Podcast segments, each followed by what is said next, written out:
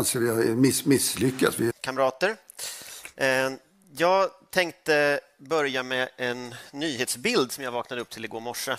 Det var Omni som ju samlar nyheter från alla sajter.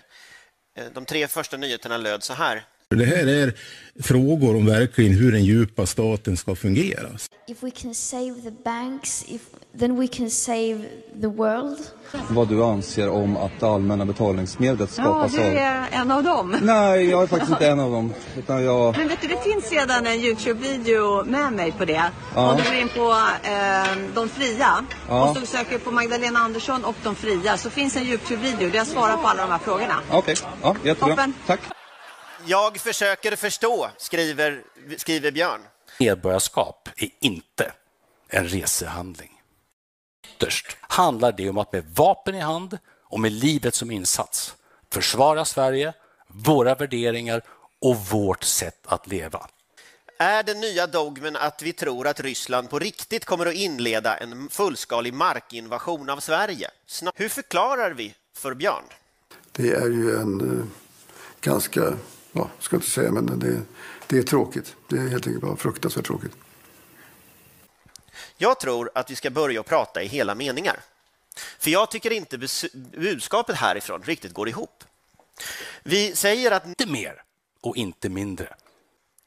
vi kan inte säga att saker måste hända nu, men lösningarna kommer sen. Det går inte ihop. Det finns ett antingen eller här. Antingen nu att vi inte längre kan skuldsätta oss mer. Typ att vi är världens mest privatskuldsatta befolkning. Då måste man få ut pengar i realekonomin på ett annat sätt med politisk trovärdighet. Och den politiska trovärdigheten i det här fallet innebär att det vi föreslår det är att man ska börja lånefinansiera både det militära försvaret men också det civila försvaret, också det ekonomiska försvaret. Att vi ska liksom börja satsa nu.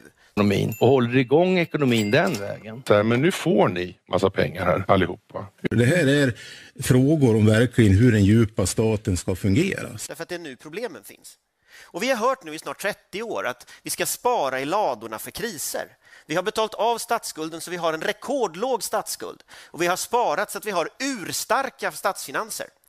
Finns det någon större kris? Ändå eh, det är ett stort antal som har avlidit helt enkelt och det är ju fruktansvärt. Eh, Det är, det är väl någonting som man, vi alla, alla, alla lider med, tror jag. Att vi inte har kunnat hjälpa dem och eh, Känner kungen med, med alla familjer? Och... Ja, självklart. Man, man känner mig känner vi alla, självklart. Det, det, det, det, det, är, det är svenska folket och, som, som, som har, har lidit eh, kolossalt eh, under svåra förhållanden.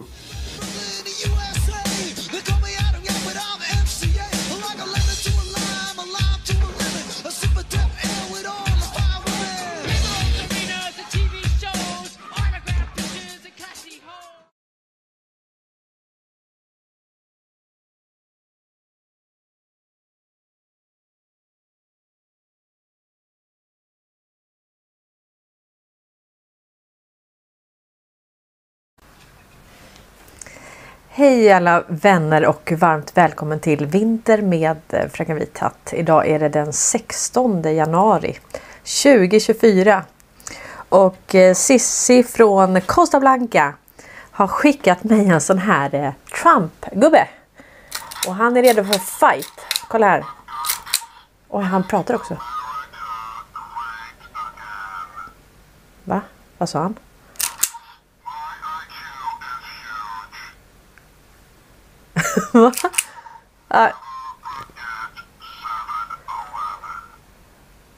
Jag får sätta mig in i det här. Men det var väldigt roligt. Tack Cissi. Och eh, du fyller ju år samma dag som mig så grattis till dig också. 6 januari. Fantastiskt. Det här blir jag jätteglad för. Det är en penna också. Så den här ska jag skriva med. Men det känns som att det är bra att han är upp till fight liksom. Det gillar vi verkligen. Fantastiskt. Ja hörni, det händer väldigt mycket. Det blåser upp till storm. Och idag ska vi prata lite om ehm, ja, intressanta tekniker. Nya batterier, nya sätt. Vad är det de har i görningen? Men jag tänkte att vi ska börja med att prata lite om ehm, eh, Ja precis. Det här med den djupa staten hörni. Nu helt plötsligt så är vi där att ehm, ja det är bara nämner man helt, helt apropå när som helst så att säga. Och nu var det en journalist i Agenda. Ni vet när vi hade Peter Hultqvist där i Agenda så sa han det här är frågor om hur den djupa staten ska fungera. Nu var det ännu en eh, det var i söndags och det handlade om Trump då. Så det var en som var pro-Trump och en som var mot Trump. Eh, och eh, ja, det var väl ganska balanserat sådär. Men det fina är hur hon pratar här sen om den djupa staten. Det var precis som att det här är det mest självklara i hela världen. Så att det har gått från konspirationsteori till konspirationsfakta. Till mainstream helt enkelt. Det tycker jag är väldigt intressant så att vi, vi ska lägga det här lite på minnet också. Eh, hur de talar helt, helt plötsligt. Så att nu är det inte... Och det har varit ganska många gånger sista tiden som det här har stått i, i tidningar och den djupa staten. Så att eh, nu är det inte bara Turkiet, Derin Devlet. Utan nu är det fakta. Ja.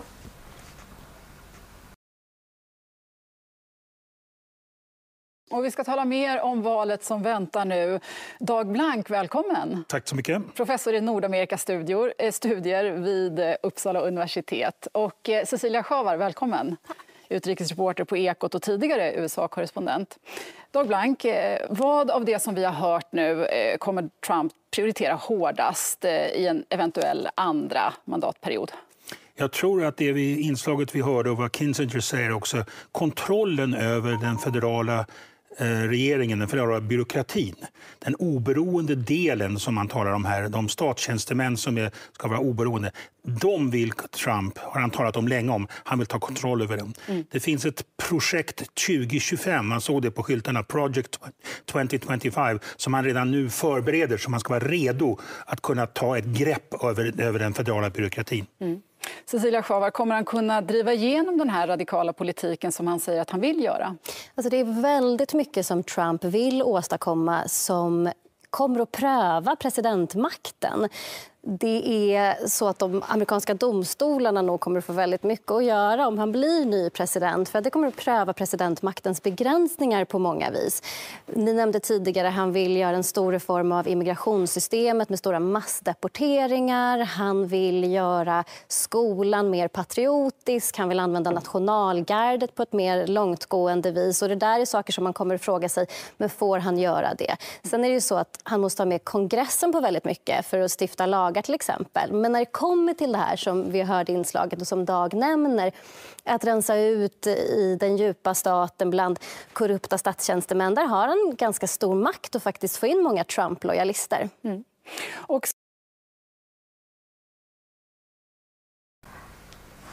Ja, det var det naturligaste i världen. Så nu vet vi. Det är så mainstream som det kan bli med den djupa staten. Ja, hörni. Det är intressant och jag hittade en dokumentär som hette The End of... Nu ska vi se vad det hette. Det här var faktiskt det bästa jag har hört på engelska som handlar om eh, End of the Road. How Money Became Worthless. Och det här är alltså en kanal med nästan 4 miljoner prenumeranter som heter Best Documentary. Och eh, den här videon har 1,2 miljoner visningar. Och alltså den har rätt i väldigt mycket så jag gjorde två TikTok-videos idag. Och eh, det den gav mig som jag givetvis vet om och eh, har också pratat om väldigt mycket. Det är liksom skillnaden med eh, hur Staten lånar upp via statspapper. Det har vi pratat om. Man säljer alltså statsobligationer. Eh, så man bara man, man, tar upp ett papper så här Så det här är en statsobligation, vilka vill köpa? Och så säger man att det här får du den här räntan på. Och sen har du då eh, centralbanker, företag, institutioner, pensionsfonder, eh, privatpersoner också. Som går in och investerar i det. Och, och på det viset så kan man trycka eh, mycket pengar då. Och det, det, som är problemet nu det är ju att eh, Ja, för det första så flyr man ju dollarn på grund av att du har BRICS som ja, det motsvarar ju nästan 80 procent av jordens BNP som eh, har bestämt sig för att dumpa dollarn.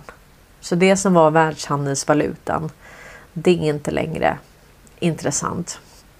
Och eh, det är bra för jag ska ju börja sända på engelska. Jag laddar fortfarande. jag laddar, jag laddar. Eh, oh, jag måste bara komma över den där lilla pucken. Men, men det den här gav mig kan man säga, den här dokumentären, det var skillnaden då mellan privat och företagsupplåning via privata banker.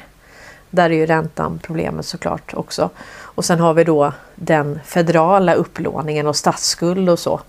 Eh, som, som, och där man har eh, dragit kreditkortet. Jag tänkte på det så himla mycket med Trump. Alltså han, när han eh, eh, skrev den här The CARES Act var det 3,2 triljoner dollar. Och sen bara gick kortet. Han bara drog kortet, kreditkortet så här. Ding, ding, ding, ding. Det var liksom eh, satsningar på infrastruktur och allting. Och jag bara tänkte det. Alltså han kommer låta det här gå. Han skulle bygga vägar, han skulle bygga broar, han skulle bygga muren, han skulle bygga allting tänkte han, han maxar liksom. Det, det, är ungefär som du vet skicka till alla och bara tar, tar liksom, eh, hur mycket lån som helst och sen drar du. Och det visar sig att det finns de som kan hjälpa till med det. Du kan få ett möte med någon som bara kan hjälpa dig att få flera miljoner i lån i affärsbankerna. Och sen kan du bara dra. Hej då, dra till ett annat land. Eh, strunta i att betala. Och eh, så att man kan säga att den federala upplåningen hur den har fungerat. Det har ju varit så här att ja, men du vet, en gräver och tre tittar på. Alltså det är, det är så kommunen funkar. det är kanske inte så det funkar, men det är lite så vi tänker att det är inte mina pengar och därför så behöver jag inte vara effektiv. Utan jag kan liksom oh, slow walk, eh, liksom jag kan förhala saker. Och när kan jag hämta på dagis liksom? När kan jag checka ut? Eh, ja, men jag raljerar lite men jag ringde faktiskt häromdagen till eh, skulle fråga lite om det här med Agenda 2030. Och hon i växeln höll med mig om att man får aldrig ta på någon. De halvjobbar, de jobbar inte liksom. Så att eh, ja, men det är väldigt intressant och nu har vi ju kommit till en punkt där jag menar, det är klart att om du hela tiden ska betala tillbaka eh, lånet eh, du är en stat och du finansierar genom att då ge ut nya lån, statspapper då. Eh, och sen ska du återbetala det plus ränta. Och, och, då måste du ha en evig tillväxt och du måste fortsätta låna för, de, för de pengarna finns inte. Och då har du två eh, vågskålar. Du har ju då den federala upplåningen med statspapper lalala, och sen har du då den privata. Och då är det privata bankerna som eh, ger oss våra pengar. Och sen så är tanken då, uff, då ska vi flytta över så mycket pengar som möjligt i skatt och annat. Eh, och så bara trycker de. Men problemet är att det har ju aldrig gått. Det har ju aldrig gått dit vi har trott att det har gått. De här pengarna har ju försvunnit i något skuggbanksystem som nypa staten har. Jag menar, vi har ingen kontroll på det överhuvudtaget. Jag menar, de kontrollerar ju telekominfrastrukturen. Om det försvinner pengar här och där, hur ska vi kunna kolla det? Det finns ingen kontrollfunktion. Tänk att vi har haft ett kluster av företag, det vi kallar djupa staten. Alltså företagsintressen i samverkan globalt. Som bara kontrollerar alla de här betalningsströmmarna, betalningsmedlet. Det finns ingen kontrollfunktion. De planerar på hundra år och vi planerar på fyra år. Jag ska säga det här introt eh, som jag hade idag. Det hade också Frans och Ståhl. Det är Mott Bombadil som har gjort det så han delade den på sin Twitter för ett tag sedan. Han har börjat göra små klipp och jag tyckte att det här var väldigt, eh, väldigt förtjänstfullt gjort. Så därför valde jag att dela det. Det var alltså Mott Bombadil som hade gjort den där filmen. Då. Eh, men jag tänkte jag ska visa den här eh, Eh, lilla TikToken jag gjorde och, och det är på engelska men det är, jag tror att det är svensk undertext. Jag tror jag tog med det när jag kopierade ut det. Eh, det, här är, det här är viktigt nu. Men som sagt, systemet kollapsar till följd av ja, att pengarna inte finns helt enkelt. Vi kan aldrig betala tillbaka de här pengarna. Och räntan den växer. Den ackumulerar, den växer med ränta på ränta-effekten. Det är precis som att du puttar en snöboll. Och sen bara blir den större och större och större. Till slut så är den gigantisk. Och där är vi nu. Så det finns liksom ingen, ingen väg tillbaka.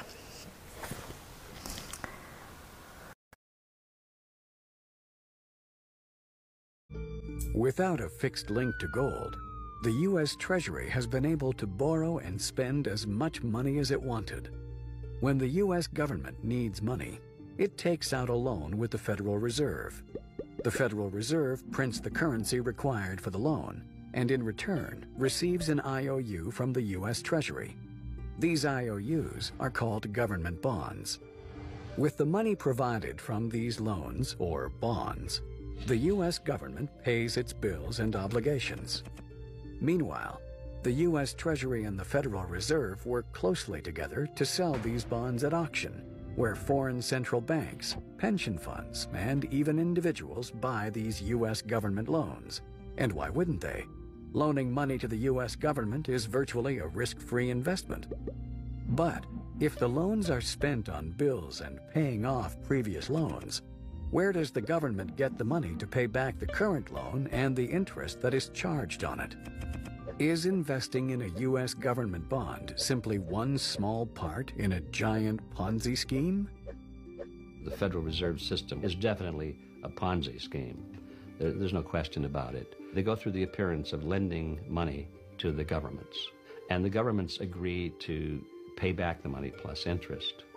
And uh, so this money comes into being. They create it just for that purpose. They give it to the governments. Didn't exist before that, you understand. Central banks just make it out of nothing and click a few keys on a keyboard of a computer, and the Treasury of the United States government now has another trillion dollars that it can spend. That's where that money came from. And so um, that creates a liability on the part of the federal government to pay it back, plus interest. Now think about that, plus interest.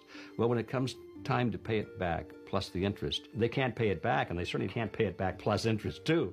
So what they do is they borrow more to cover the original loan plus the interest, and then by that time Congress wants more money anyway. So the, the debt just keeps going up and up and up and up.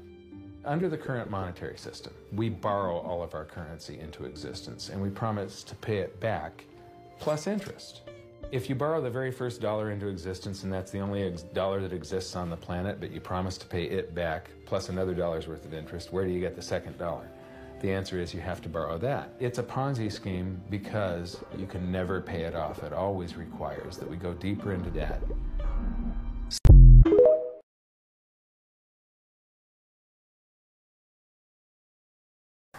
Ja, det är intressant.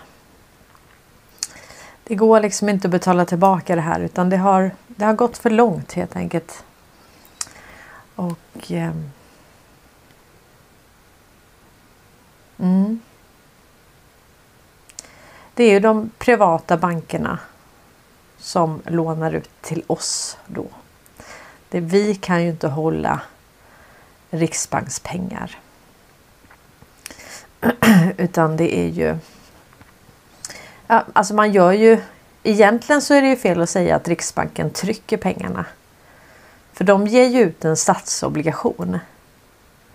Och sen tar de ju in pengar från investerare. Det kan vara pensionsfonder och så. Och det, det de tar in då det är ju fiatpengar så att säga. Um, så det här går liksom inte. Det kollapsar nu. Och det har ju kollapsat sedan länge egentligen. Eh, jag hade någon fråga här. Vad skriver ni?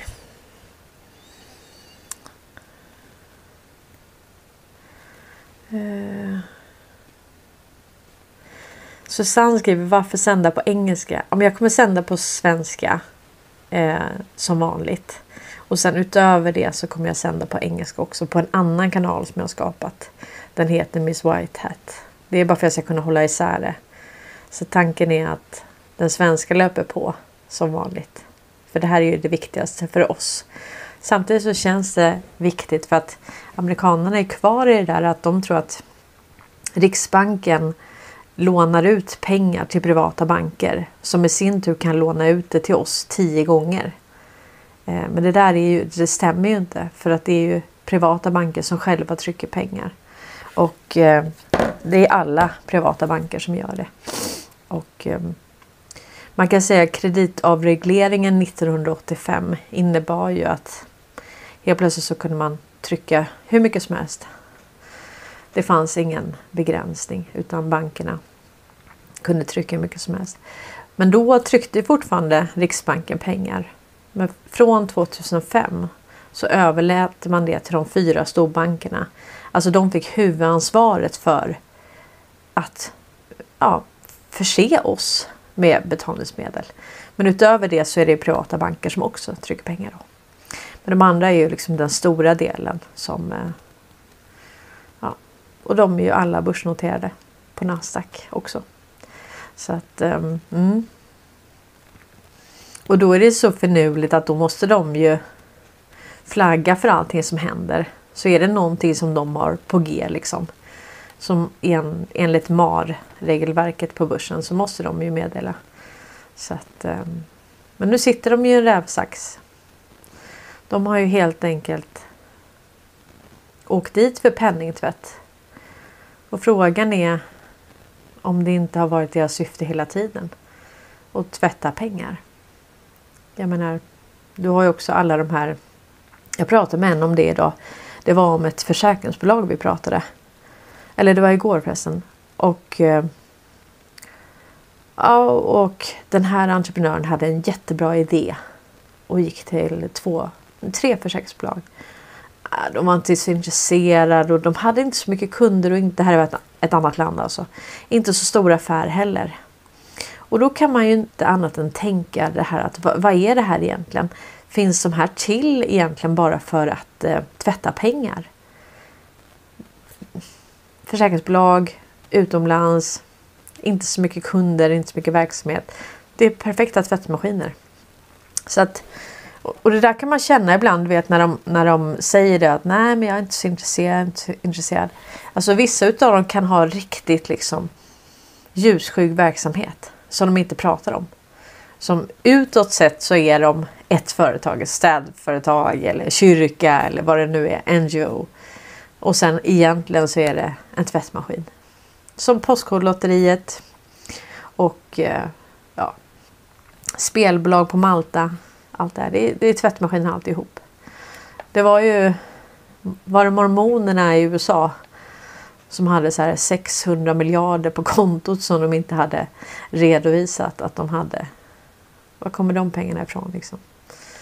Så att det har funnits mycket tvättmaskiner och liksom hela syftet har varit det för att de måste hitta olika sätt att likviditetsförsörja.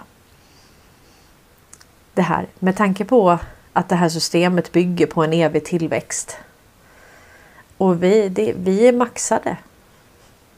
Vi kan inte belåna oss mer. Det är omöjligt. De här pengarna kan aldrig betalas tillbaka. Staten kan aldrig betala tillbaka det.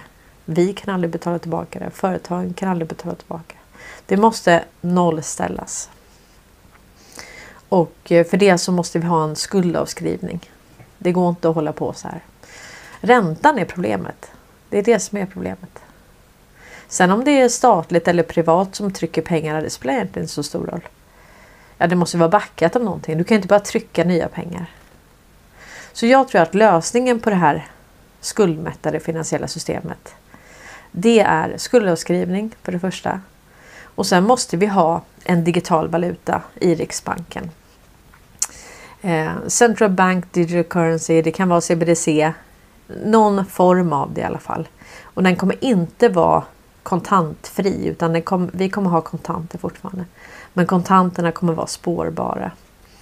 Och eh, sen måste vi ha giltighetstid på pengar. Vi kan inte ha folk som sitter och hamstrar pengar. De måste vara ute i omlopp. Vi måste hitta andra parkeringsplatser för pengar.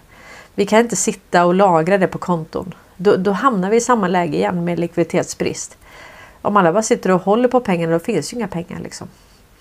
Så att vi, vi måste ha någonting. Precis som du går in på kasino, byter ut pengarna till marker, spelar och så och sen ska du gå tillbaka lösa in din vinst som man alltid vinner då. Nej, men eh, lösa in sin, sina pengar och sina marker och sen så går man ut och så får man tillbaka pengar. Något form av sånt system. Ehm, så att ja, sen är det några utav er som hjälper mig att tänka där lite. Eh, en del i det här eh, kan ju då vara att eh, en parkeringsplats kanske kan vara till exempel Bricks stadspapper.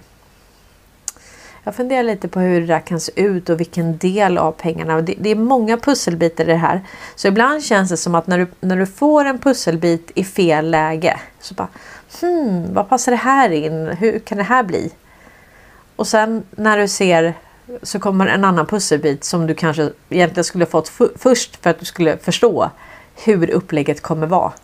Jag har ju ägnat så många år att tänka på hur kommer det här bli? Hur kommer det här fungera? Vad kommer vara konkurrenskraftigt? Och det kommer ju frigöras väldigt mycket kapital för mänskligheten, för att hjälpa mänskligheten. Och eh, ja, vi kommer kunna hjälpa hur mycket som helst. Och vi kommer kunna umgås och hjälpa varandra hur mycket som helst. Det kommer finnas pengar som vi kan verkligen göra det. Och ehm, ja. Vad var det jag skulle säga mer där? Ja men precis, det kommer... Och sen måste det bli någon form av basinkomst. Vi måste ha någon vinstdelning. Alltså det finns ju så mycket resurser.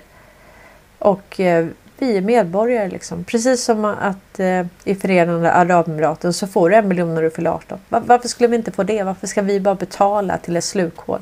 Anledningen varför vi måste betala till ett slukhål hela tiden det är ju för att vi har haft det här finansiella systemet som har krävt. Det har varit som ett eh, slukhål som bara har ätit upp oss. Alltså det, det äter upp oss. Det, det, är ett monster. Nu är det liksom så stort det här monstret så att det, det äter upp oss. Eh, och eh, ja. Så någon form av universal basinkomst. Eller en, eh, en medborgarlön eller vad du nu vill kalla det. Vinstdelning. Ja, först måste vi också få tillbaka våra pengar men vi måste ha ett system för kommande generationer någonting. De har ju verkligen lurat oss. Vi har ju gått på en, ett, eh, ett jätteponzi scheme. Eh, jag ska spela upp ett klipp till eh, från samma dokumentär då som handlar just om, om skuldmättnaden. Och det är lite tråkigt att de inte använder det ordet. Eh, men eh, ja, det finns en pedagogisk twist. Jag såg att undertexten var på engelska. Jag skulle kunna ta ut det på, på svenska. Men som sagt, det här är tanken lite att jag ska använda det i min folkbildning mot USA. För att de måste förstå det här med pengar nu. De måste förstå vad problemet är. Och eh, det de håller på med att digital valuta skulle vara någon form av fiende. När alltså 99% av alla pengar är digitala. Det är liksom Ja, det är inte det som är problemet. Jag menar om vi ska trycka upp, om vi säger vi, vi trycker upp alla pengar i cash då. Mm. Och så har vi ändå en räntekostnad som växer med ränta på ränta-effekten. Då finns ju inte mer pengar. Det spelar ingen roll om de är digitala eller analoga. Problemet är räntan. De pengarna är inte skapade. Det kräver en evig tillväxt på nya pengar. Och pengar, pengarna får vi genom att bankerna ger ut lån. Eller då statspapper. Det är det som är grejen. Så det spelar ingen roll om allt hade varit kontanter. Så hade det inte spelat någon roll. Vi hade inte haft pengar till räntan ändå. Så att eh, det, det, blir liksom eh, Det blir lite fel fokus. Eh, och sen utgår man från att Åh, det, kommer aldrig, det kommer inte vara några kontanta pengar. Men jag menar, det största problemet om vi säger med kontanter och så som vi har i Sverige det är ju att vi har ju väldigt få butiker som tar emot kontanter. Eller vi har alldeles för många butiker som inte tar emot kontanter om vi säger så. Då. Så även om du har kontanter så kan du inte betala med dem överallt. Och det är också hål i huvudet. Hur tänkte man där? Liksom? Hur kunde det bli så? Det är betalningsmedlet men de kan välja att inte ta emot det. Ja, tydligen. Och sen skyller, skyller man på allt möjligt. Men eh, det, det blir liksom... Om man förstår vad problemet är, att det är räntan. Det skuldberget har bara växt. Och eh, du kan inte betala tillbaka det med digitala pengar och du kan inte betala tillbaka det med kontanta pengar. Sen klart vi ska ha kontanter, självklart. Mm.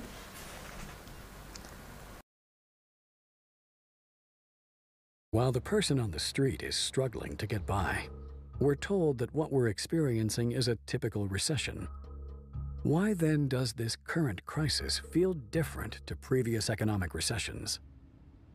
This is far from typical. I think this is the end game. I think uh, what we're experiencing now are the pains of the 40 year experiment in fiat currency uh, coming to a, an end. And it is an absolute failure, not only for America, but for the entire world. Up until 2008, we've been borrowing more and more money to maintain our standard of living. Are we now at the point where we're maxed out and cannot take on any more new debt? What we're seeing today is deleveraging at all levels of society. I mean, consumers are maxed out. Each succession that we had in the economy, when we went through this boom and bust period, we'd go through a bust, they would reinflate again, the economy would start up again, but we kept piling on, piling on, piling on levels of debt. And finally, we reached the point where you just can't pile any more debt. Banks are no longer willing to give out credit so freely, and many people are more concerned with paying off existing debt as opposed to taking on new debt. While this is prudent, sensible behavior, it's also a serious threat to the global economy. Having set itself up as a giant Ponzi scheme, the global economy is reliant on more and larger debt being issued to keep itself functioning. If you try to just live within your means and, uh, and get by with just the amount of dollars that we have today, paying the interest on them collapses the currency supply. And so we continually have to borrow more units of currency into existence every month than we extinguish by paying off debt. The system, as it's been presently structured, is that they have to continue expanding the money supply, otherwise, the system is going to die. Politicians and pundits talk about living within our means and paying down the debt. You can't do that without collapsing the entire economy. We, it would just vanish into this black hole. All the politicians are in a situation where if they don't come to the rescue, we could just have an overnight shutdown, which they can't ever imagine happening while they're in power.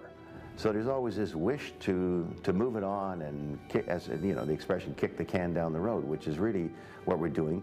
But the problem is we've run out of road. You know, there, there is no place to kick the can anymore. Uh, we've got to deal with the can, and it's not simply a can because every time we kicked it down the road, unfortunately, it got bigger. So now it's an enormous can, and uh, you know it's going to crush us. While the financial crisis of 2008 may have been the first death throes of the Ponzi scheme, governments around the world weren't about to sit back and let it fail. So they delayed the inevitable collapse, pushing it down the road by bailing out struggling financial institutions, buying toxic mortgages, and taking on debt on behalf of its citizens.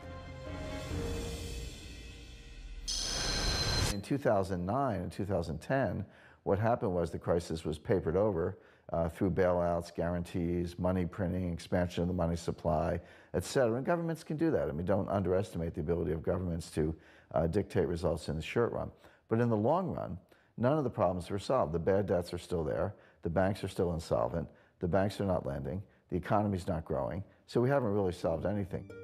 by buying their way out of these crises, by creating money out of nothing and flooding it into the economy and diluting the purchasing power, they're not really solving the problem. What they're doing is pushing it off a little bit into the future and making it worse. Now, do we keep going down this road? Do we print more money? I mean, the Fed balance sheet went from 800 billion to 3 trillion. Should it now go to 6 trillion?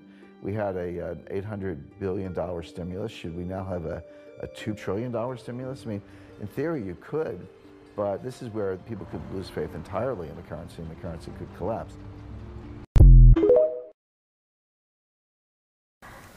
Ja, precis. Att eh, det kan gå över en natt. Det kan gå över en dag som det här bara kollapsar helt. Och eh, jag tycker en sak som de sa i den här videon som jag ska skriva till han som har gjort den. Eh, det är ju att eh, de sa att det var dåliga policies, dåliga beslut och så. Men alltså det här systemet är uppbyggt på det sättet så det hade aldrig någonsin kunnat bli på något annat sätt. Man har byggt upp det på det här viset. Eh, och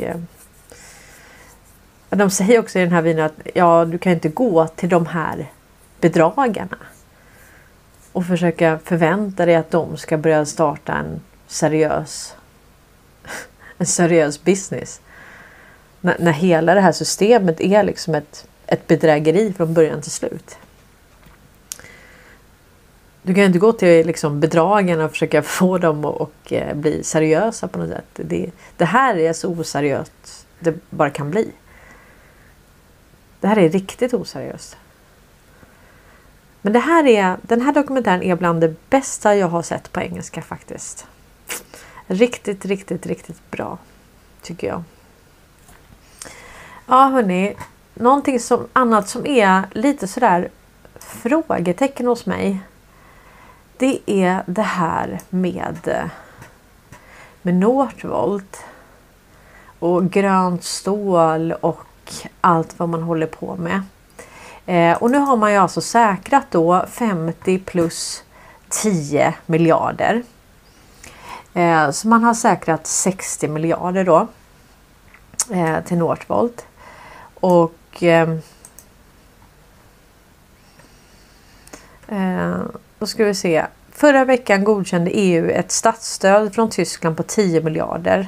Sedan december har nu bolag, bolaget säkrat en finansiering på 75 miljarder.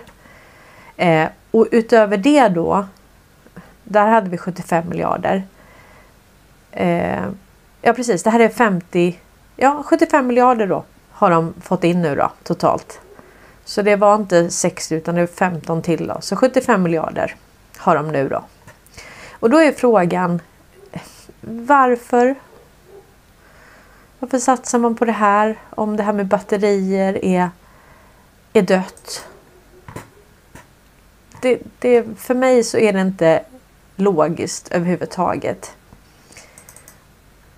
Nu är han jätte... Eh, jätteolydig Atlas. Han skäller. Mm. Eh, och sen har vi då alltså finansiärerna bakom det här. Det är ju då Vargas Holding. Eh, och eh, jag hittade en koppling till Wallenberg här för ett tag sedan. Men nyckelpersoner då står i Harald Mix och det pratar ju Karl Norberg mycket om. Harald Mix känns mixigt, mixat. och det här grundades då 2014 av Karl-Erik Lagerkrans och Harald Mix.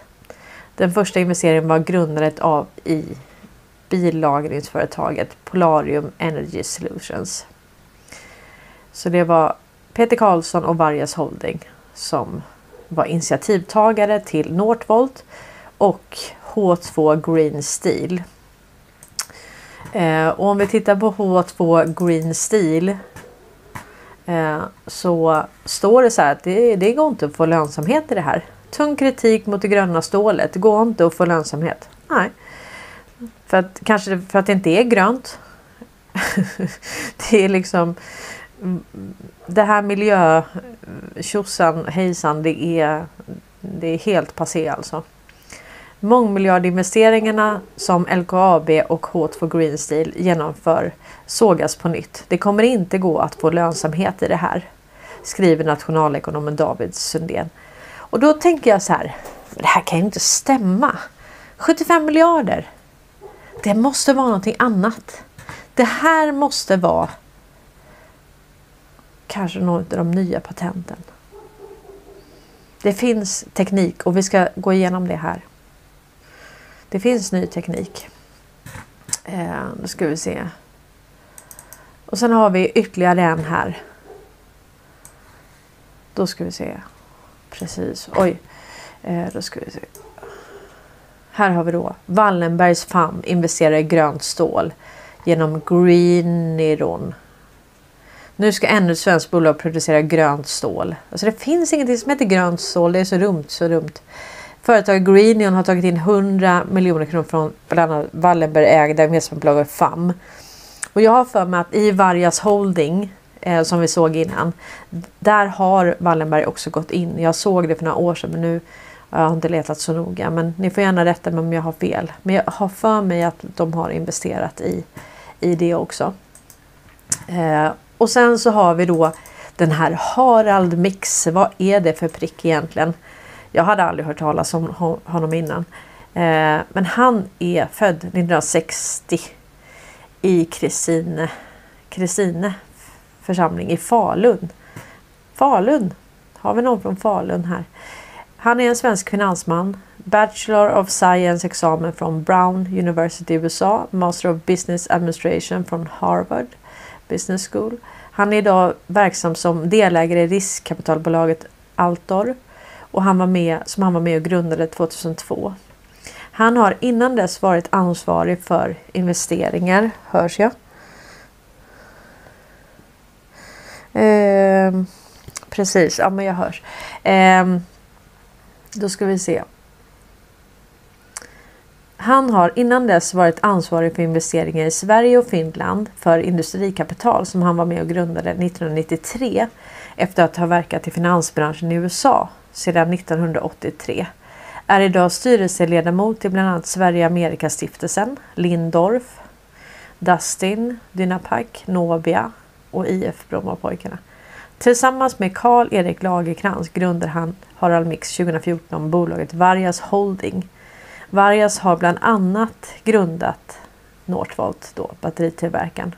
Och det fossilfria stålverket. Fossilfria! Okej. Okay. Fossilfritt. Det är en hoax, det vet vi ju. H2 Green Steel. Mix äger och driver idag med sin fru, fru hotellet Ett hem i Lärkstagen i Stockholm. Via sitt bolag Fastighets AB Bombicilla äger han även fastigheten Sidensvasen 7 i Lärkstaden där han är bosatt sedan 2022. Ja, men det här är lite intressant. Eh, och nu kommer det i alla fall lite olika eh, tekniker. Eh, vi ska se här på det här var lite intressant. Det finns en, en toriumbil. Eh, torium. Ja. Torium powered car. Och då räcker det med 8 gram torium. Alltså det är ju en sån compound. Eller en sån eh, kärnämne, grundämne. Och eh, titta på när den här artikeln är publicerad. Klockan 17.17 17 den eh, 16 augusti 2011. Man ska titta på allting som publiceras 1717. som den här kanalen nu. 1717 is the shit. Där Men eh, det här är väldigt intressant för att den här då behöver man inte laga då. Eh, man behöver inte ladda den. Den går typ i 100 år. Frågan är om alla andra ämnen går i 100 år. Det, det är det som är intressant också. Eh, och eh, vi ska titta här på en liten film med Ford. För han hade ju då, han gjorde ju hampa chassi. Så att man kan säga så här. När man tittar på vad som har funnits tidigare i form av elbilar, vad, vad du vill, så känns det som att vi har gått bakåt i tiden. Vi har backat i tiden helt enkelt. Det känns som att man hade mer ja, mer kunskap innan helt enkelt. Verkar inte bättre än så. Eh, vi ska titta på den här filmen om hur han kunde bara slå på sin bil utan att det blev ett enda märke. Mm.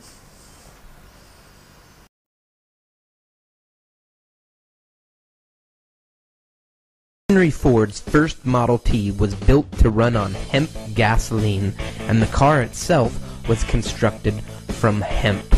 On his large estate, Ford was photographed among his hemp fields. The car, grown from the soil, had hemp plastic panels whose impact strength was 10 times stronger than steel. Henry Ford ran 40,000 vehicles on hemp fuel from only 10,000 acres. The emissions are what you exhale, and the next year's crop reconverts it back into oxygen. That's a natural cycle fuel. We think that our ethanol and biofuels and flex fuel systems are all the cutting edge, but biofuel development, of course, is nothing new. Way back in the 1930s, Henry Ford was hard at work in the alternative fuel sector, and in 1941 he constructed a hemp-fueled and hemp-bodied prototype car. The plastic body panels were composed of 70% cellulose fibers, including industrial strength, mixed with a resin binder, and apparently they were pretty sturdy. A guy beats on the trunk with an axe and it fails to leave a mark. Industrial hemp won't make you high. It has no THC in it, but its association with marijuana has historically been a major legal stumbling block. There's some of you that think I'm full of shit, but the actual footage of 1941 should be proof enough for you.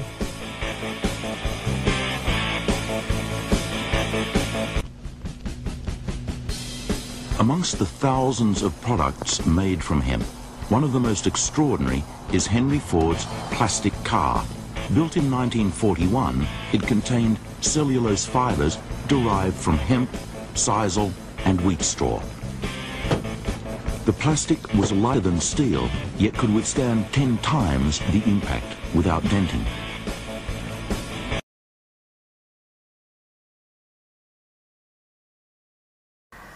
Ja, det där var väl jättespännande. Eh, verkligen. Alltså den, den gick ju på hampa också. Så drivmedlet var hampa. Eh, och sen finns det en annan då. Det här är en artikel. Nytt kärnkraftsbatteri behöver inte laddas på 50 år. Eh, så det här är från eh, Carl. Vi ska se om jag hade en annan bild där. Här. Jag tänkte jag skulle läsa lite från den här artikeln för det här är, det här är lite intressant. Vi har ju torium och sen har eh, de här då. Och det intressanta med det med torium, den artikeln som publicerades 1717 2011. Då sa de att inom två år så skulle de ha en färdig produkt ute. Så att alltså de hade kommit jättelångt. Då är vi 2013. Vad är de bilarna idag? Och jag har blivit misstänksam. Det har funnits väldigt många börsbolag. Powercell som jobbar med en bränslecell som man också skulle kunna ladda en gång och sen skulle bilen kunna gå ja, jättelänge då. Många, många år. Eh, och likaså Saltex och det har funnits så här olika men det har bara, de har haft tunga investerare, namnkunniga personer i styrelsen och allting. Och sen har det bara mynnat ut i ingenting varenda gång. Det känns som att man liksom håller tillbaka. Det är någon som inte vill att det här ska komma ut. Det är någon som vill att vi ska ladda bilen. Eller inte ladda bilen, men vi ska tanka bilen. Hela, hela, hela tiden. Då. Och sen såklart ska vi ladda det också. Ska vi betala för el. För det är också ett ponzi scheme. Ni vet. Med att man handlar pengar eller man handlar el på börsen dagen innan. Lalala, sätter priset dagen innan. Det är också som ett rent bedrägeri det där. Här har vi då kärnkraftsbatteri håller i ett halvsekel. Eh, då ska vi se. En grupp kinesiska ingenjörer har uppfunnit ett fungerande kärnkraftsbatteri som är klart för tillverkning. Det är klart för tillverkning. Okej. Okay. När kom de på det här? Det är klart. Hörrni, När man publicerar det då, då är det klart. Det kanske redan är i produktion då. Det kanske är det man gör på Northvolt. Det är mycket kineser där. Okej. Okay, um, batteriet ger energi i 50 år utan att behöva laddas. Förhoppningen är att det ska kunna användas i elbilar i framtiden. Så. Den kinesiska startupen Betavtolt, Betavtolt, Northvolt, Betavtolt. Det var väl lite likt va? Betavtolt har tillkännagett att de har skapat den första kärnkraftsbatteriet som är färdigt för civilt bruk, uppger Intendent och flera andra källor. Det första batteriet är mellan 15 millimeter långt, 15 millimeter brett och 5 millimeter högt. Den första versionen producerar 3 watt elektricitet i 50 år. Batteriet är radioaktivt på insidan men är inkapslat och utsöndrar ingen strålning. Batteriet använder isotopen nickel 60, 63 eh, som är stabilt, ett stabilt radioaktivt material. Trots att det är radioaktivt finns det ingen liten kärnreaktor i batteriet utan den fångar energin från isotoperna som sönderdelas. Med hjälp av halvledare omvandlas den till elektricitet. Principen är inte ny utan har utvecklats av NASA och det sovjetiska rymdprogrammet. Okej, okay, så det var militärt innan då? Ja, men såklart. Ni vet hemligt, hemligt militärt, militärt, hemligt, eh, kommersiellt och sen kommersiellt. Så nu är vi framme i att det är färdigt för produktion. Har man redan börjat producera det kanske då? Mm. Den passar för att generera energi eh, eh, vid mycket rymden, energi rymden mycket låga temperaturer. Tidigare krävde batterierna speciell övervakning för att kunna användas. Genom att använda en mer stabil radioaktiv isotop har de kinesiska forskarna kunnat skapa en säker miniatyr av den gamla tekniken. Halvledaren överför elektronerna som sänds ut av isotopen till en elektrisk krets. Det första batteriet är på 3 volt och har endast 100 mikrowatts effekt och passar bäst för pacemakers och cochlea hörapparater. Men de kinesiska forskarna säger att tekniken är skalbar till betydligt högre effekt och spänning. Med mer kraftfulla batterier där flera placeras i batteripaketet skulle det i teorin gå att skapa en elbil som aldrig behöver laddas och kan köras i 50 år. Då är det slut med all räckviddsångest och inte ens dieselkramarna behöver oroa sig för korta sträckan mellan laddstoppen. Batteriet påverkas inte heller av kyla utan fungerar utmärkt ner till minus 60 grader. Och det är heller inte brandfarligt. När isotopen är förbrukad är det bara koppar kvar och batteriet är ofarligt. Jaha, det här känns ju färdigt. Kineser. Northvolt. 75 miljarder. Tesla. Elon Musk sa ju att det fanns en teknik. Han kunde inte prata om den tekniken. Okej, vi, vi är inne i en finansiell kollaps. Det är ett skuldmättat finansiellt system. Men 75 miljarder, det är inga problem att fiska fram. Nej. Ah, det här är något suspekt alltså. Om ni frågar mig. Jag tror att de gör någonting annat där. Någonting sånt här. Det här, det här känns ju färdigt. Färdigt ofarligt. Men det är svårt att tjäna pengar på någonting som håller så himla länge. Tänk om det blir Hampa-bilar, Hampa-chassin och sen batterier som går och går och går och går. Evighetsmaskiner. Små evighetsmaskiner. Ja, det är intressant. Vad skriver ni nu då? Nikola Teslas uppfinning. Ja, det kan det mycket väl vara. Alltså, om vi säger så här, innan när vi har varit i ett vinstmaximerande system. Då har man ju hållit tillbaka den här typen av kunskap. Det var ju inte ens intressant att ha hampa. Alltså tänk att ha så kraftiga bilar så du kan stå och slå med en hammare på dem. Nej, det är inte intressant. Och hampa det är väl, nu kan ni det här bättre än vad jag kan. Men det går väl så här jättesnabbt att odla det. Det är, väl inte, det är inte svårt. Det är som bambu. Det växer ju liksom växer och växer hur lätt som helst. Jag tror det. Hampa är inte... Och jag menar, det går ju tydligen. Det finns ju en grupp här i Norrland. Eh, Älgen och Marit Norlander och, och flera som håller på att starta en liten ideell förening, eller liten, en ideell förening i alla fall, med industrihampa. Och det är inte heller förbjudet. Och det går jättebra i vårt klimat. Till och med i Norrland. Eh, ja. Så att... Eh, och nu säger de då att det är SMHI varnar för superkyla. Det här är bara början. Men det stod häromdagen att det, det, var inte ovanligt. Det var kallt, men det var inte ovanligt. Jag tror vi hade 17 minus här. Det är två gånger nu vi har haft 17 minus. Tittar man på vad 17 minus. 17, 17, 17 minus. Imorgon är den 17 januari. Ja, det är mycket 17. Eh, så att det är, det är jätte, jättekallt. Eh, och eh, så här kommer det se ut sen kanske. Hey, is one of those global warming scientists from a few years ago. Snow is a thing of the past. Snön är någonting som tillhör det förgångna. Så här, så här kommer de att stå alla forskare och vetenskapsmän. Ja, de står där i sin globala uppvärmning. Ja. och sen har vi då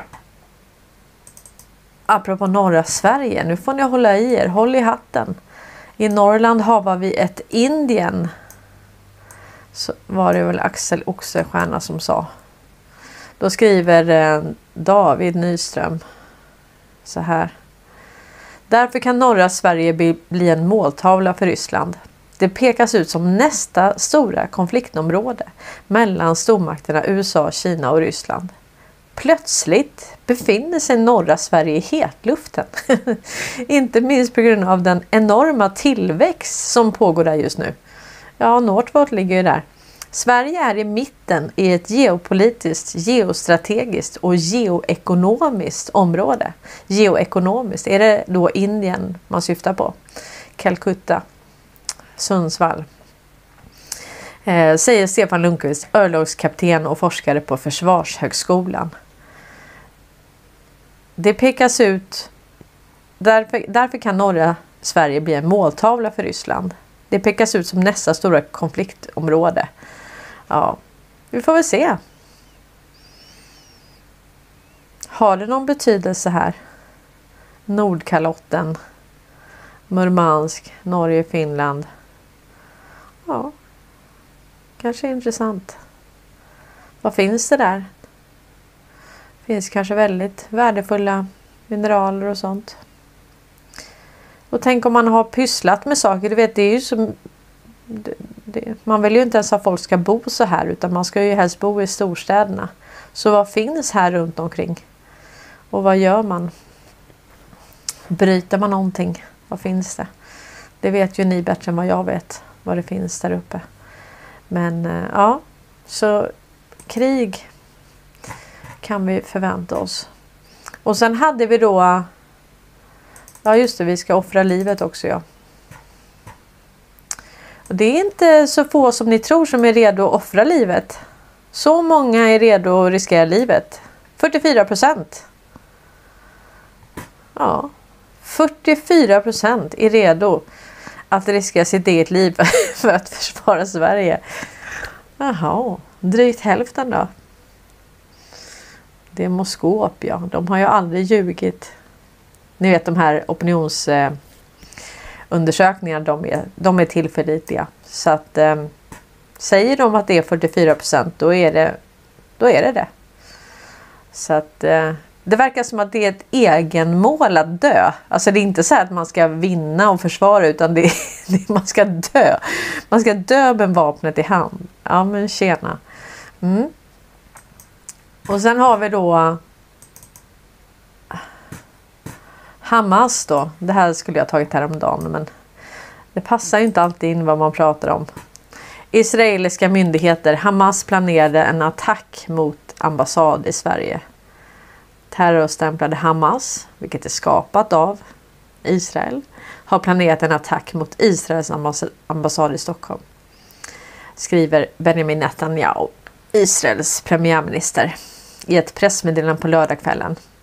Den planerade attacken ska ha avvärjts av israeliska underrättelse och säkerhetstjänsten. Jaha. Opererar de på svensk mark då? då? Eller de var inte det, de hade inte nått Sverige. De... Mm. Uppgifterna kommer från det fortsatta underrättelsearbetet. Vi kanske har Mossad här hörni. Efter att Danmark och Tyskland meddelat att de genomfört ett större antal gripanden av personer med Hamas-koppling i, i december. Ja men nu vet jag, de är ju svenskar. alltså vi, vi är en inkubator för terrorism ju. Så det är väl svenska medborgare det här. Det kan det vara. Vi har säkert svenska medborgare som tillhör Hamas och IS och Al-Qaida och allt vad du kan tänka dig. Allting som är terror. Jag känner mig terroriserad. Jag känner mig faktiskt terroriserad som svensk av allt det här. Av svenska myndigheter och usch. Det känns som att vi är en inkubator för terrorism. Ju mer man läser och förstår och ser så bara tänker man att det här är inte klokt alltså. Vi bor ju i kärnan av... Vi tänkte så här, men det är lugnt och skönt och tryggt här. Och... Uff, nej. Ja. De har alltså genomfört större antal gripanden av personer med Hamas-koppling i december. En djupgående bild av Hamas terrorverksamhet har avslöjats liksom informationen om avsikten att angripa den israeliska ambassaden i Sverige, skriver kansliet. Israel pekar även ut en man med Sverigekoppling som högt uppsatt i Hamas ledningsstruktur för attacker utomlands. Ja, det kunde man ju tänka sig. Är det klanen Wallenbergs eh, eh marionett då, då. Hamas talesperson i Libanon, Walid Kilani, Walid Kilani förnekar uppgiften om en planerad attack i Sverige till norska NRK. Detta är lögn. Hamas har aldrig genomfört oper operationer utanför Palestina. Ja, men det vet jag inte. Det vet jag inte om jag tror. Eh, och... Eh, ja, nu ska vi se. Och Säpo då, Skräpo, de är förtegna. Locket på från Säpo går inte in på specifika hot. Säkerhetspolisen är förtegen efter att israeliska myndigheter gått ut med att det är en planerad attack eh, från Hamas mot landets ambassad i Sverige. Att den har avvärjts. Den svenska myndigheten vill varken gå in på om man har nåtts av information om en planerad attack eller om man haft kontakt med Israel underrättelsetjänster. Vi kan inte gå in på en specifik händelse, ärenden eller hot mot platser. Han säger vidare att attentatshotet mot Sverige fortfarande är högt. Man vet också att det finns individer som sympatiserar med Hamas och som arbetar i deras intressen i Sverige. Men hörni, alltså. Vad gör Säpo då? Varför måste Mossad avvärja hotet? Är det inte det svensk underrättelsetjänst är till för? Eller? Det är inte Säpos uppgift. Nej, utan vi ska ha utländsk underrättelsetjänst som kommer hit och avvärjer hotet. Ja, men det känns ju tryggt. Då är de ju nästan välkomna. Vi får nog verkligen kalla dem skräpo. De kan inte... Nej. Nej. De, de varken avvärjer hotet eller går ut och kommenterar det. Ja, men det känns ju tryggt. I got your back. Mm. De har våran rygg hörni. Vi kan lita på Skräpo. Jättebra, jättebra. Och sen har vi då Hamas då som aldrig gör någonting utanför Palestina. De har varit i eh, Vita huset också. Då skriver Karl Norberg så här, Muslimska brödraskapet. Det var väl de som gjorde avtal med eh, Socialdemokraterna om att de skulle bara få göra det här till ett islamskt land. Var det inte det det gick ut på, avtalet? Då skriver eh, Donald J Trump så här. So interesting to watch anti-Israel protesters violently demonstrating at the White House, getting close to tearing down the fences that protect the president, and nothing is even mentioned about it in lamestream media, which is merely a subsidiary to the Democrat Party. No arrest, no nothing. Free the G6 hostages now. Okej, okay, så det här nämns inte ens då. Och de har tagit gisslan.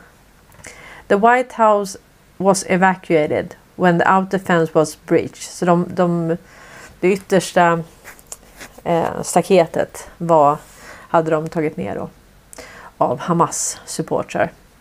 Secret Service agents in riot gear were holding the fence so the insurgents could not reach the White House. Multiple officers and agents were attacked and injured. MSM silent. Ja, så det var flera som skadades och de attackerades då, de här eh, Secret Service-agenterna. Och eh, Ja, han menar G6, det var ju de, eh, January 6, det var ju de som var i Capitol Hill. Det är ju många av dem, ni vet, som fortfarande sitter i fängelse. Um, så att när det är riktiga, alltså riktiga attacker med, med verkligen våldsamma protester och demonstrationer. Då gör, då gör de ingenting åt det. Och då skriver inte mainstream media någonting. Men det som hände i Capitol Hill den 6 januari 2021. Det var ju att de öppnade ju dörrarna. Det var ju fritt fram och bara gå in. Och vissa av dem sitter alltså fortfarande i fängelse. För någonting som gick helt fredligt till. Det var nästan som en guidad tur liksom. De såg ut att ha riktigt trevligt där. Och de var artiga och de pratade med poliserna och poliserna försökte hjälpa dem att öppna dörrar. Och, och ändå har vi fortfarande Agenda då i söndags i SVT. Så pratar de om det som, som en riktig stormning av Capitol Hill i svensk lamestream media. Det är faktiskt skandal. Det är riktigt skandal. Ja, så Hamas då. Eh, och vad, vad, är Hamas egentligen? Vad är det skapat av? Ja. ja man kan säga att de, de har ju skapat alla de här. De har skapat Isis, de har skapat Al-Qaida, de har skapat Antifa, de har skapat Hamas. Allt det här, alla de här monstren är skapade. Och sen är det precis som att de här monstren får, får egna fötter. De vände sig emot dem. Liksom. Och samma sak har vi nu med de här Houthi-rebellerna. Sensu igen gjorde ju en film där och då, alltså de har typ när de bådar de här fartygen där i Röda havet. Ja, då har de drönare och gör så här professionella filmer liksom. När de går lite coolt så här med pistol, du vet, på oh, ner och så bara tar de över kontrollen på fartygen. Det känns ju som att eh, det där är det där är något annat liksom. Och nu Sverige såklart. Vi har ju någonting att skydda där tydligen. För eh, ja, Sverige överväger stöd till insatser i Röda havet. Regeringen har bett Försvarsmakten att se över möjligheterna med svenskt stöd till insatserna i Röda havet. Och det var väl så att MSB hade ju varit där och tränat dem. Och de hade till och med fått fartyg donerade av eh, kustbevakningen. Men är inte det där skattepengar? Är det inte skattepengar? Jo, det, det är det ju. Och då har de skänkt det till Somalia och de här länderna. Och tränat dem också. Mm. Sverige stödjer fullt ut de ansträngningar som görs för att upprätthålla säkerhet och fri sjöfart i regionen. Ja, då vet vi. Vi har eh, fingrarna i syltburken där på något vis. Och här har vi ytterligare en då. Sverige undersöker möjligheten att stödja insatserna i Röda havet. Det handlar om en EU-mission och initiala eh, diskussioner pågår nu i EU-kretsen. Det är därför för tidigt att tala om vilken typ av insatser som det kan komma att handla om. Tyska medier har rapporterat att landet vill att EU ska skicka en mission till Röda havet. Och enligt Billström är stödet stort även i svenska regeringen.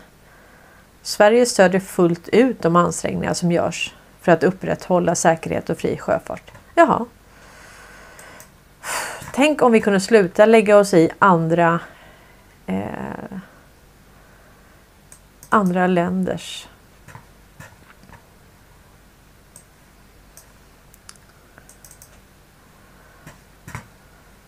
Och sen skriver Cozy Pepper så här. Eh,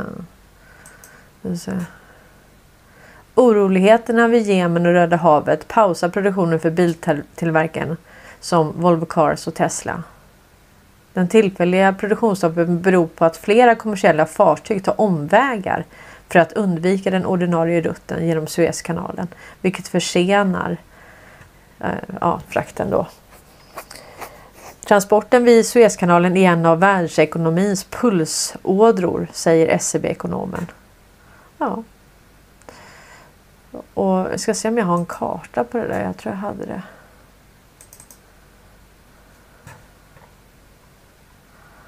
Eh, ska se.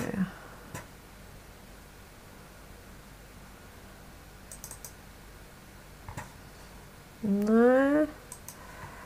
Ja, men de får ju, det är ju en himla omväg i alla fall. Som de får ta. Se om jag kan hitta den. Jag hade den här nyss. Ja, vi får ta. Jag tror Strand har den där kartan någonstans. Eller Cozy Pepper. Jag såg den innan. Eller Mott kanske har den också. Och de här rebellerna, det är väl bara att slå tillbaka då. då. Nu säger de att eh, de har förlorat då.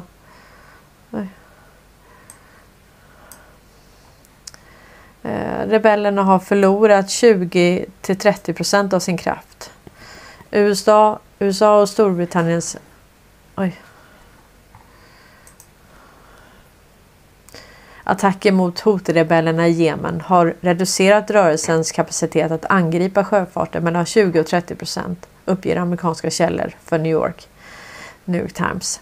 Enligt uppskattningar har omkring 90 procent av målen som attackerades i veckan skadats eller förstörts. Den Iranstödda rörelsen bedöms fortfarande ha militär förmåga och det rör sig till stor del om vapen som enkelt kan flyttas. Enligt källor har det varit svårt att hitta lämpliga mål som att rörelsen inte har varit prioriterad för västerländska underrättelsetjänster på senare år. Nej men precis, var kom de här ifrån? Helt plötsligt så, så aha. Så de över massa fartyg. Det är väl bara det är väl bara att plocka ner dem. Men eh, tydligen inte. Det här är något annat. Det här är något konstigt. Jag undrar hur mycket man har investerat i det här. Hur mycket pengar har gått? Vad är det för affärs intressen som Wallenberg vill skydda i det här området? Och också den svenska staten, för det har vi kommit fram till. Det är alltid joint ventures. Det är alltid så här samägda bolag mellan staten och Wallenberg. Så att, um, mm.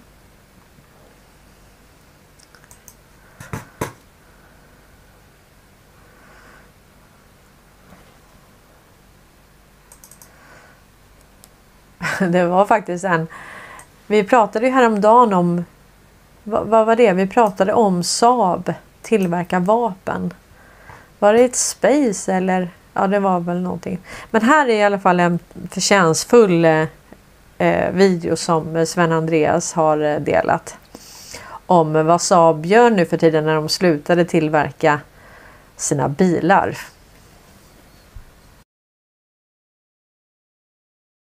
Saab, you used to make cars, right, buddy? Yeah, but that didn't go well, so we went back to making the things we used to make. What did you used to make?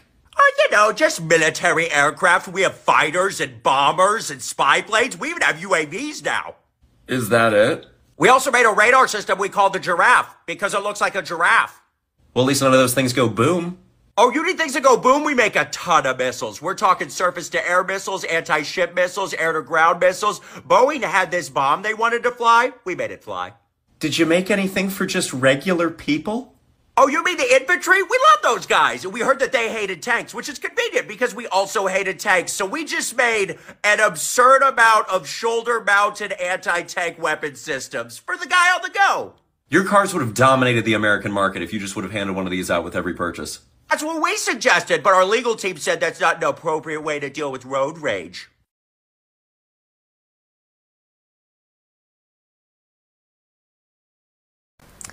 Nej, så det, här finns det resurser vet du. Jag menar, tänk, tänk hur det här, alltså under täckmantel av neutralitet så har man alltså mm, man har mutat och korrumperat hela tiden. Och sen har vi då haft Sida-pengar som har gått in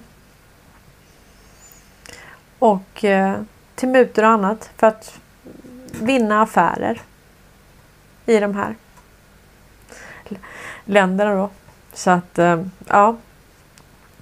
Det är väldigt, väldigt intressant.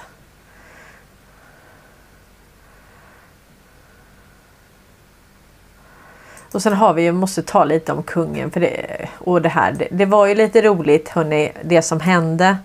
Eh, för vi hade Mette Fredriksen, hon taggade ju fel kungahus. Och sen var ju flaggan som hissades på Amalienborg. Då var ju kronan upp och ner. Eh, eh, det, det, var, det var så väldigt mycket som var oklart där. Eh, och eh, ja, hon hade väl bara stormat ut och gått på kryckor och eh, jag, jag vet inte allt. Men nu skriver i alla fall eh, Omnis här att det är det är livsfarligt när eh, vi ser sånt här. Alltså när, när någon ad, abdikerar. Det är helt livsfarligt. För att eh, ni vet det här med världsordningen och då stör man den och så. När danska drottningen Margarete 1972 skulle ta över tronen valde hon att på eget initiativ ta den anrika titeln av Guds nåde Danmarks drottning. Vad ödmjukt. Av Guds nåde Danmarks drottning. Mm. Det var inte präktigt alls. Nej. Det skriver Paul Pila Pilgard Jonsen i en krönika i Weekendavisen. Ett tecken på att regenten ser uppdraget som ett kall, resonerar han. Nej, jag tänker nog snarare att de här tror att de är för mer. Och på ett sätt har de ju varit för mer. De har ju haft en helt annan information än vad vi har haft så jag förstår att de har skrattat åt oss. De tror att de äger sina pengar. Det är bara skuld. Vi har lurat er genom religion och finansiella systemet och att ni har någonting att säga till om när ni röstar. Sitter de där dricker te. Jag kan väl inte se dem framför mig så här. De tror, de tror att de äger sitt hus och sina pengar och sen tror de att de kan gå och rösta. Dricker lite te. Jag förstår att de skrattar så på ett vis. På ett vis så är de ju för mer.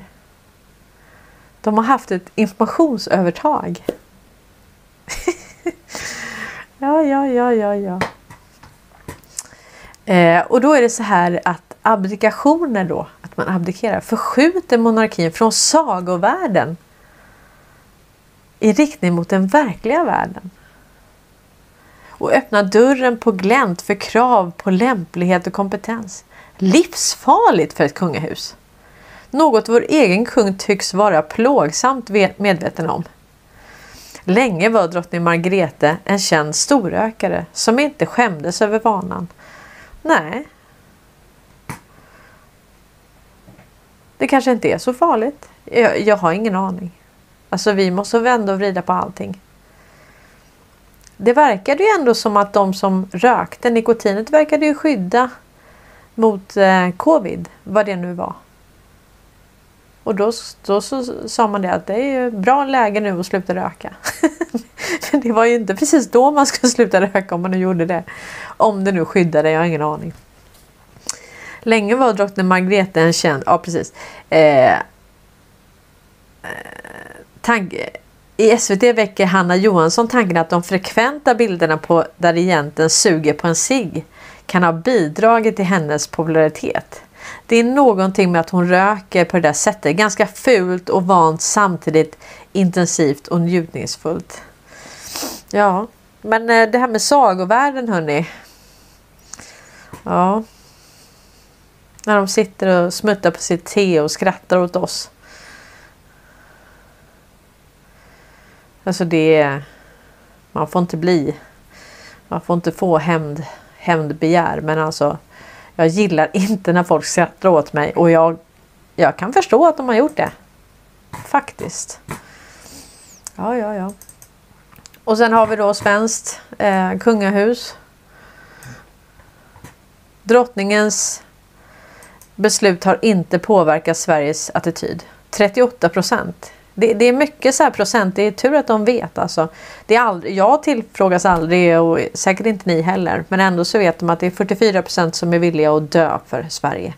Och 38 procent som tycker att eh, kung den sjätte, 16 Gustav borde lämna över till kronprinsessan Victoria. Och nästan lika många, 34 procent, tycker att kungen ska sitta kvar. Och det är Novus igen då som vi litar så mycket på. Undersökningen genomfördes kort efter att Danmark, drottningen Margrethe den andra meddelade sin abdikation. Som äger rum på söndagen. Ja. Jag tror ju att det här med kungahusen hörni, det, det är ju var och varannan dag nu med kung, eh, kungahus och då skriver Cozy Peppe en liten grej här då. Kungen säger kära kusin Daisy. Kungen ta tackar drottningen Margrethe, kära kusin Daisy. Och det betyder alltså död och begraven. Pushing daisies, död och begraven. Be dead and buried, buried. alltså vara död och begraven. Så daisies betyder det. Och då sa de, kungen tackar drottningen Margrethe, kära kusin Daisy. Ja, det kan vara något. Intressant.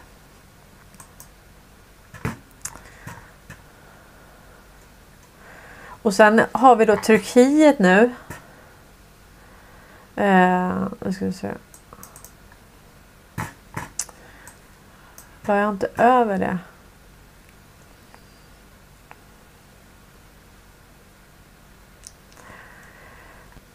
NATO står det under. Nu ska vi se. Här. Nu ska ni se här.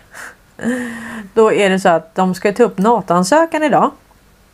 Och den är överst på agendan. Nej, jag bara skojar. Den är sist på dagordningen. Och det är punkt 42. När Turkiets parlament idag samlas efter vinteruppehållet, vinteruppehållet står Sveriges NATO-ansökan med, ansökan med på dagordningen, skriver DN. Turkietkännaren Paul Levin säger till tidningen att de är mycket goda och något överraskande nyheter för Sverige. Ja, enligt DN står frågan sist på dagordningen som punkt nummer 42. Efter att parlamentet behandlat ansökan måste president Recep Tayyip Erdogan skriva under ratificeringen innan Sverige formellt kan bli medlem i försvarsalliansen. Eh, och då tänkte jag på, jag skulle bara kolla vad det står på Q-post 42 då, för det var ju 42 på dagordningen. Eh, för det var någon som skrev så här, det var inte 17 på dagordningen då. Nej, det var 42. Och då är Q-posten så här, We serve at the pleasure of the president, DJT. vi tjänar presidenten Donald J Trump. We serve at the pleasure. Vad ska man översätta det med exakt? Ni som är bäst på det. Så det är ju väldigt intressant och det är en Q-post från den 2 november 2017. Mm. Spännande va? Det är väldigt mycket. På torsdag klockan 12 så kommer greve Conny. Då ska vi göra en sittning. Det var ju jättelänge sedan. Jag vet inte om det var ett halvår sedan eller om det var ännu mer. Ja, det var i alla fall innan sommaren. Det var det lätt. För det var då jag började med mina livesändningar. Jag tror att det var innan det. Men eh, då kör vi en sittning, jag och eh, greve Conny. Så det blir ju väldigt kul. Eh, ja. Jag tror vi är klara. Jag har ju massa grejer här som jag inte hunnit ta upp. Alltså det är alltid så men eh, ja, vad säger man? Det är ju så. Man hinner ju inte alltid med allting. Jag kan ta någon fråga i alla fall. Se om ni har skrivit någonting.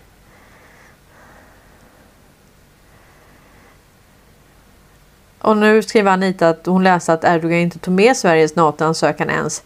Nej, alltså jag har väldigt svårt att tro att de hinner med det. Alltså 42 punkter. det är liksom hur många som helst. Så jag tror inte de hann ta upp det. Men det får vi se. Jag, jag har inte läst om det blev det. Eh, och Ungern hade inte med NATO-frågan. Nej, de har ju liksom gjort så att eh, då säger Turkiet ja men nu ska vi fundera på det här och så säger Ungern så här, nej, nej, nej. Och sen säger Ungern ja men kanske, kanske. Ja, och då säger Turkiet nej, nej, nej. så det är liksom pingpong mellan Ungern och Turkiet. men det förtjänar vi. det förtjänar vi helt klart. Uh, ja. Karl har sagt för länge sedan att giftet i sig är i filtret och pappret. Ja, det är mycket möjligt att liksom själva eh, tobaken inte är så farlig. Jag vet inte. Eh, berätta mer om Q-dots. Eh, eller Q-drops, menar du det? Alltså de här, de vi läser, de här posterna, Q-posterna. Eh, hur kan kontanter bli spårbara? Ja, men det finns faktiskt teknik som man kan till och med ha ett litet papper. Så det är pytte, pytte små sändare. Så det finns ju någon teknik är ju det är pytte, pytte, pytte smått. Så det, och det är det man tror att det fanns i valsedlarna i valet både 2016 och 2020. Och då innebar det att om de då tog och bara kastade eh, valsedlar när folk hade röstat.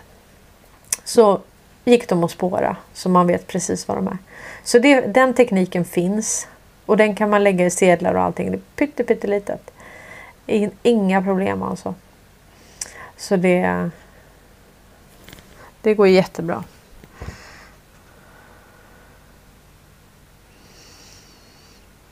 Mm.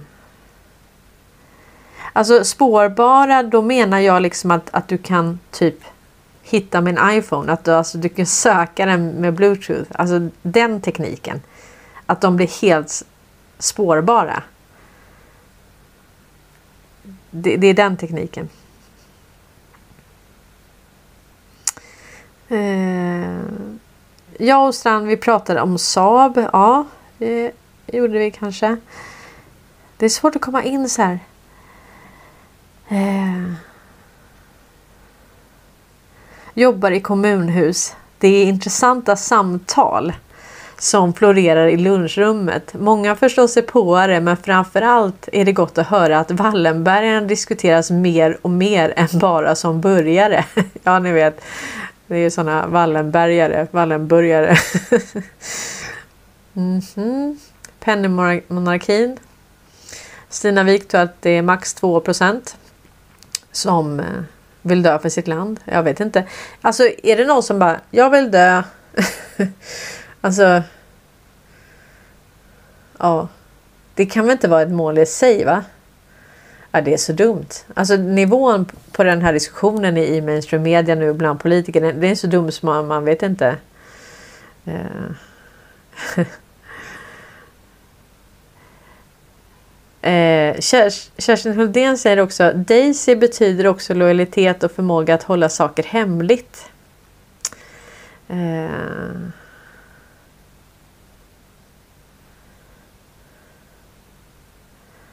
Magda Sten, småbanker och lån. Kan du förklara lite runt hur småbanker skapar pengar eller lånar andra kunders besparingar? Eh, ja, men det har jag. Jag tror att jag har liksom gått igenom det att, att om vi säger själva lånet är ju. Eh, det är ju egentligen avtalet att du ska betala tillbaka lånet. Det är ju säkerheten som gör att de trycker pengarna till dig. Tjup, tjup, tjup, kan de trycka på en dator. Och sen så skriver du på. Du blir säkerheten för lånet. Så du är säkerheten. Du lovar jag ska betala tillbaka det här. Mm. Och då betalar de antingen ut pengarna till dig. Eller till exempel till den som du köper huset av eller så. Eller så betalar de ut till dig och så köper du en bil eller vad det är. Men, men det är det här, ditt löfte, den fordringen på dig. Det är värdepappret. Det är det som ger dem rätt att klicka på på en skärm. Men vi vet ju inte hur ofta de klickar på en skärm. De kanske klickar på en skärm fast inte vi kommer in med en sån här. Var det svar på din fråga Magda? Det är Magda Sten. Men Magda du får ju ringa mig bara. Ska du göra en video? Du kanske ska göra en video om det. Hur banker ger ut lån. Jag hejar på dig. Får ringa mig. Ja, jag vet, men hon skrev igen nu och det var väl så. Eh,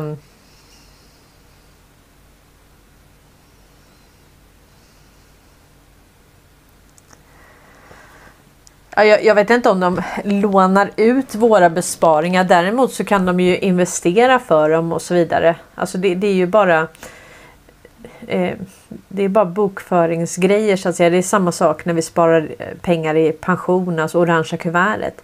Det är ju inga pengar på ett fysiskt konto. Men de, de pengar vi har på våra konton, de kan de ju inte låna ut. De har ju vi på. Vi har ju dem på våra konton. Eh, så att det funkar inte riktigt så liksom att de tar våra pengar och kan låna ut dem tio gånger. De lånar pengar av Riksbanken och sen lånar de ut till oss och sen kan de. Det, det där är, det funkar liksom inte så utan det där är en myt att det funkar så. Utan det är bankerna själva som trycker. Och då är det precis så som jag sa då att, att du har eh, Du skriver under att okej okay, jag lovar att återbetala det här lånet. På 20 år eller livsvarigt eller så. Ja, och då blir det ett undan. Så att om vi säger bankernas tillgångar är ju fordringar på dig och mig. Det är fiktiva tillgångar i form av fordringar på oss att vi ska återbetala en skuld plus ränta. Det är det som är deras säkerhet. Men som sagt. De kan göra det utan fordringar också. Och det gör de ju. De kan ha fiktiva personer också. Personer som inte existerar som tar lån. Så att jag menar hur mycket kan de hur mycket pengar kan de trycka? Ja, vi har kreditavreglering. Det finns ingen reglering på det. Så att jag menar i praktiken, alltså tänk dig Wallenberg. Ja, nu kommer vi med Investor här in på SEB. Skulle vi kunna få lån till den här investeringen? Vi skulle vilja ha 8 triljarder till eh, en Green Steel här. Ja, ja visst, visst. Då trycker vi det. Vi lovar att betala tillbaka. Tjingeling. Alltså det här kan ha gått till verkligen när det har gått till. alltså, förlåt att jag är så skojig idag. Skojfrisk. Eh, Helene Leonard säger det var vattenstämplar som var sökbara på valsedlarna.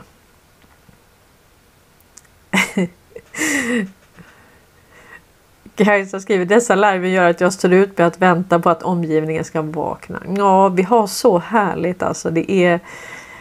Vi har verkligen. Eh, Anita säger, men vid krigstillstånd kan bankerna ha rätt till våra pengar? Ja, det kan de och det kan de ha ändå.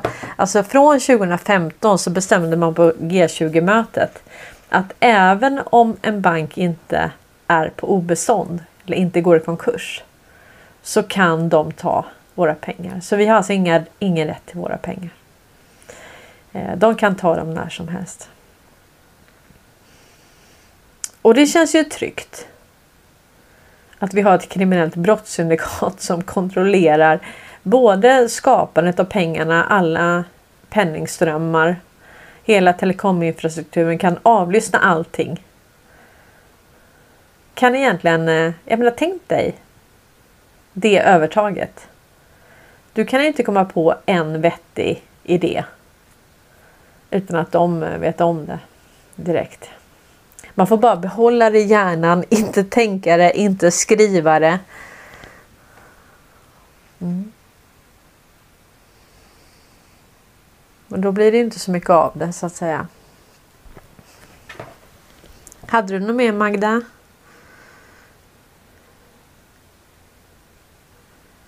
Eh.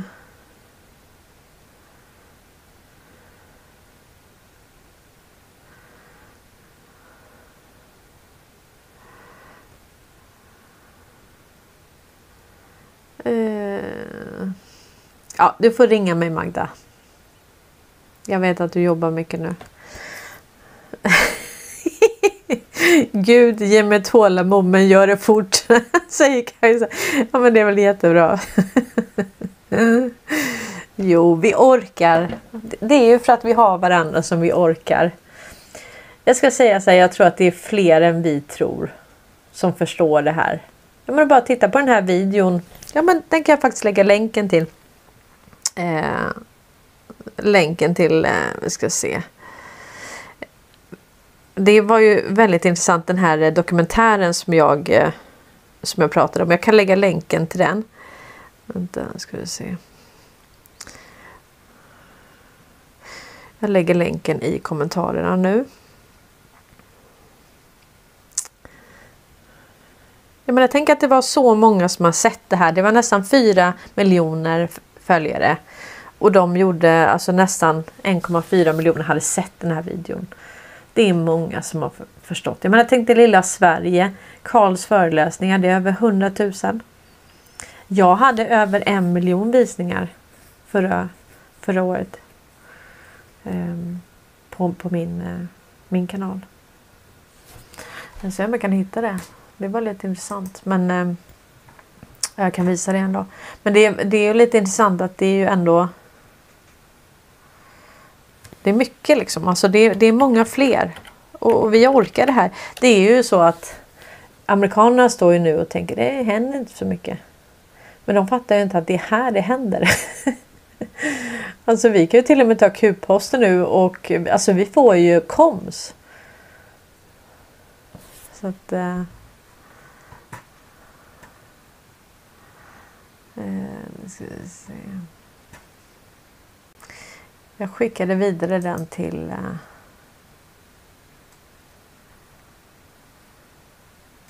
Ja, här kom den faktiskt. Jag, ty oj. jag tycker det var lite roligt av eh, G-strand att skicka, eller inte G-strand, uh, Ulf Bejerstrand och skicka till uh,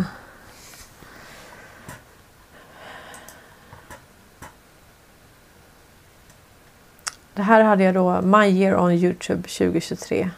5655 prenumeranter. Det här är ju tredje kanalen jag har. En miljon visningar. 233 uppladdningar. 102 000 gilla-markeringar. 25 593 delningar. 10 919 kommentarer. Ja, mest visade är intervjun med Dr. John Holper Hayes och sen var det faktiskt min och Ulf Bejerstrands short video. Eh, hur skapas eh, hur skapas pengar? Så att det är kul ju. Och det här är bara lilla Sverige. Tänk dig en miljon visningar på så få prenumeranter. 233 videouppladdningar. Så det, det, är ju Det är många fler som är vakna tror jag. Än, eh, än vad vi tror. Det är kul. Det är jättekul. Ja hörni. Vi ses igen imorgon 17.17 och sen på torsdag eh, så är det då, vad är det för dag idag? På torsdag så är det klockan 12 med Conny Greve. Stort tack för idag allihopa. Tack för att ni stöttar den här kanalen också. Det betyder jättemycket. Och eh, tack för allt ert engagemang. Tänk dig en miljon visningar. Det är jättemycket på en liksom nystartad kanal. Så det ser, alltså de, de håller tillbaka tror jag. Jag tror att det kanske är ännu mer. Att de håller tillbaka statistik. Vem vet, vem vet. Ha det riktigt gott nu allihopa. Vi ses igen imorgon.